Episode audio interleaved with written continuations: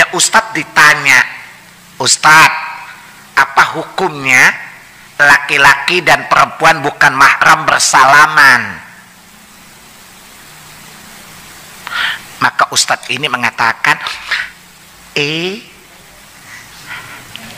perlu kita perhatikan bahwa bersentuhan untuk menghormati orang lain tidak apa-apa.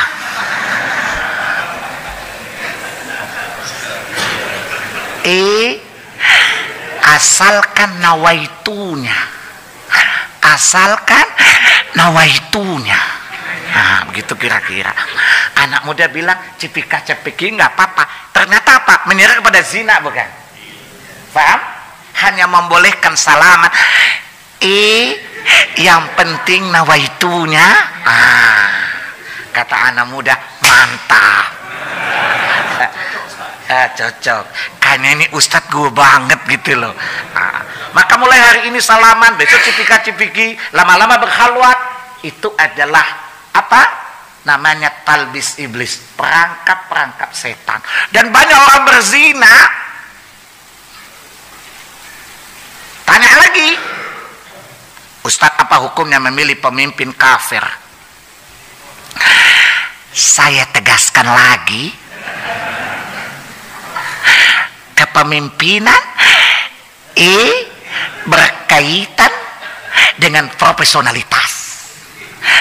Kalau seseorang dia amanah, dia profesional, tidak mengapa dia kafir. Ah, kata iblis di luar dugaan, di luar ekspektasi jawabannya. Orang memilih pemimpin kafir dan kebijakan orang kafir merusak banyak syariat Allah tidak terima taubatnya sampai dia bikin perbaikan akibat kerusakan fatwanya tadi. E, E dan E. Kata malaikat, taubatnya boleh diterima E, E dan E. Faham maksudnya? Ini rusak nggak? Rusak kan? Oh, dirusakkan banyak sekali. Ah, maka orang orang mukmin, orang muslim yang memberikan kepemimpinan kepada orang kafir, kemudian orang kafir membuat kebijakan merusak agama, orang ini tidak diterima taubatnya oleh Allah sampai dia melakukan recovery. Makanya jangan coba-coba daftar jadi ustadz ya kalau bodoh-bodoh ya. Kenapa? Dosanya luar biasa. Ini namanya apa? Ustadz yang masuk bursa efek dosa. Mana sahamnya dibeli semua orang lagi? Dia komisaris bukan? dia dapat dividen dong paham yang kata Nabi mandalla ala dhalala barang siapa yang memberi petunjuk kepada kesesatan dia menanggung dosa sebanyak orang yang melakukannya. Dan tidak sedikit syubhat itu menimbulkan kerusakan bukan? Maka Allah tidak terima taubatnya sampai dia melakukan perbaikan dari kerusakan akibat fatwanya tadi.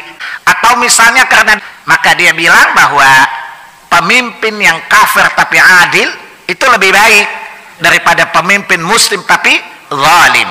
Udah gitu jual-jual nama Ibnu Taimiyah lagi? Apa kata iblis? Hei profesor saya ini tukang bohong tapi ternyata lu lebih bohong lagi ya. Nah, tapi nggak apa-apa lanjutkan. Kita kan teman koalisi. Aneh nggak? Berani lo berdusta. Dan kerusakan diakibatkan ucapan mereka banyak sekali bukan? Uh, contohnya lagi dia beri pernyataan uh, mengucapkan selamat Natal tidak merusak akidah. Uh, orang kemudian mengucapkan selamat Natal dan itu memasyarakat. Allah nggak terima taubat mereka. Karena apa? Daya rusak dari syubhat mereka lebih besar daripada pelaku kesyirikan secara individual. Faham? cukup tidak? Yang ketiga apa Allah terima taubatnya? Wabayanu kita lihat ulama-ulama dahulu kalau rujuk kepada kebenaran, mereka biasanya apa?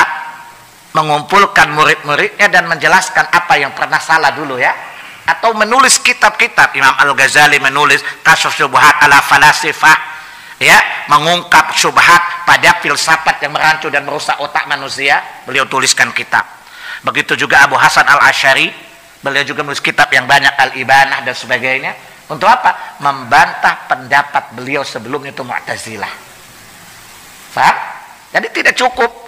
Itu ada orang menganggap semua agama sama sampai mati nggak tobat-tobat dia. Faham? Kira-kira malaikat bilang apa? Eh, malaikat bilang apa? Mantap tangan gue udah gatal lama greget sama lo.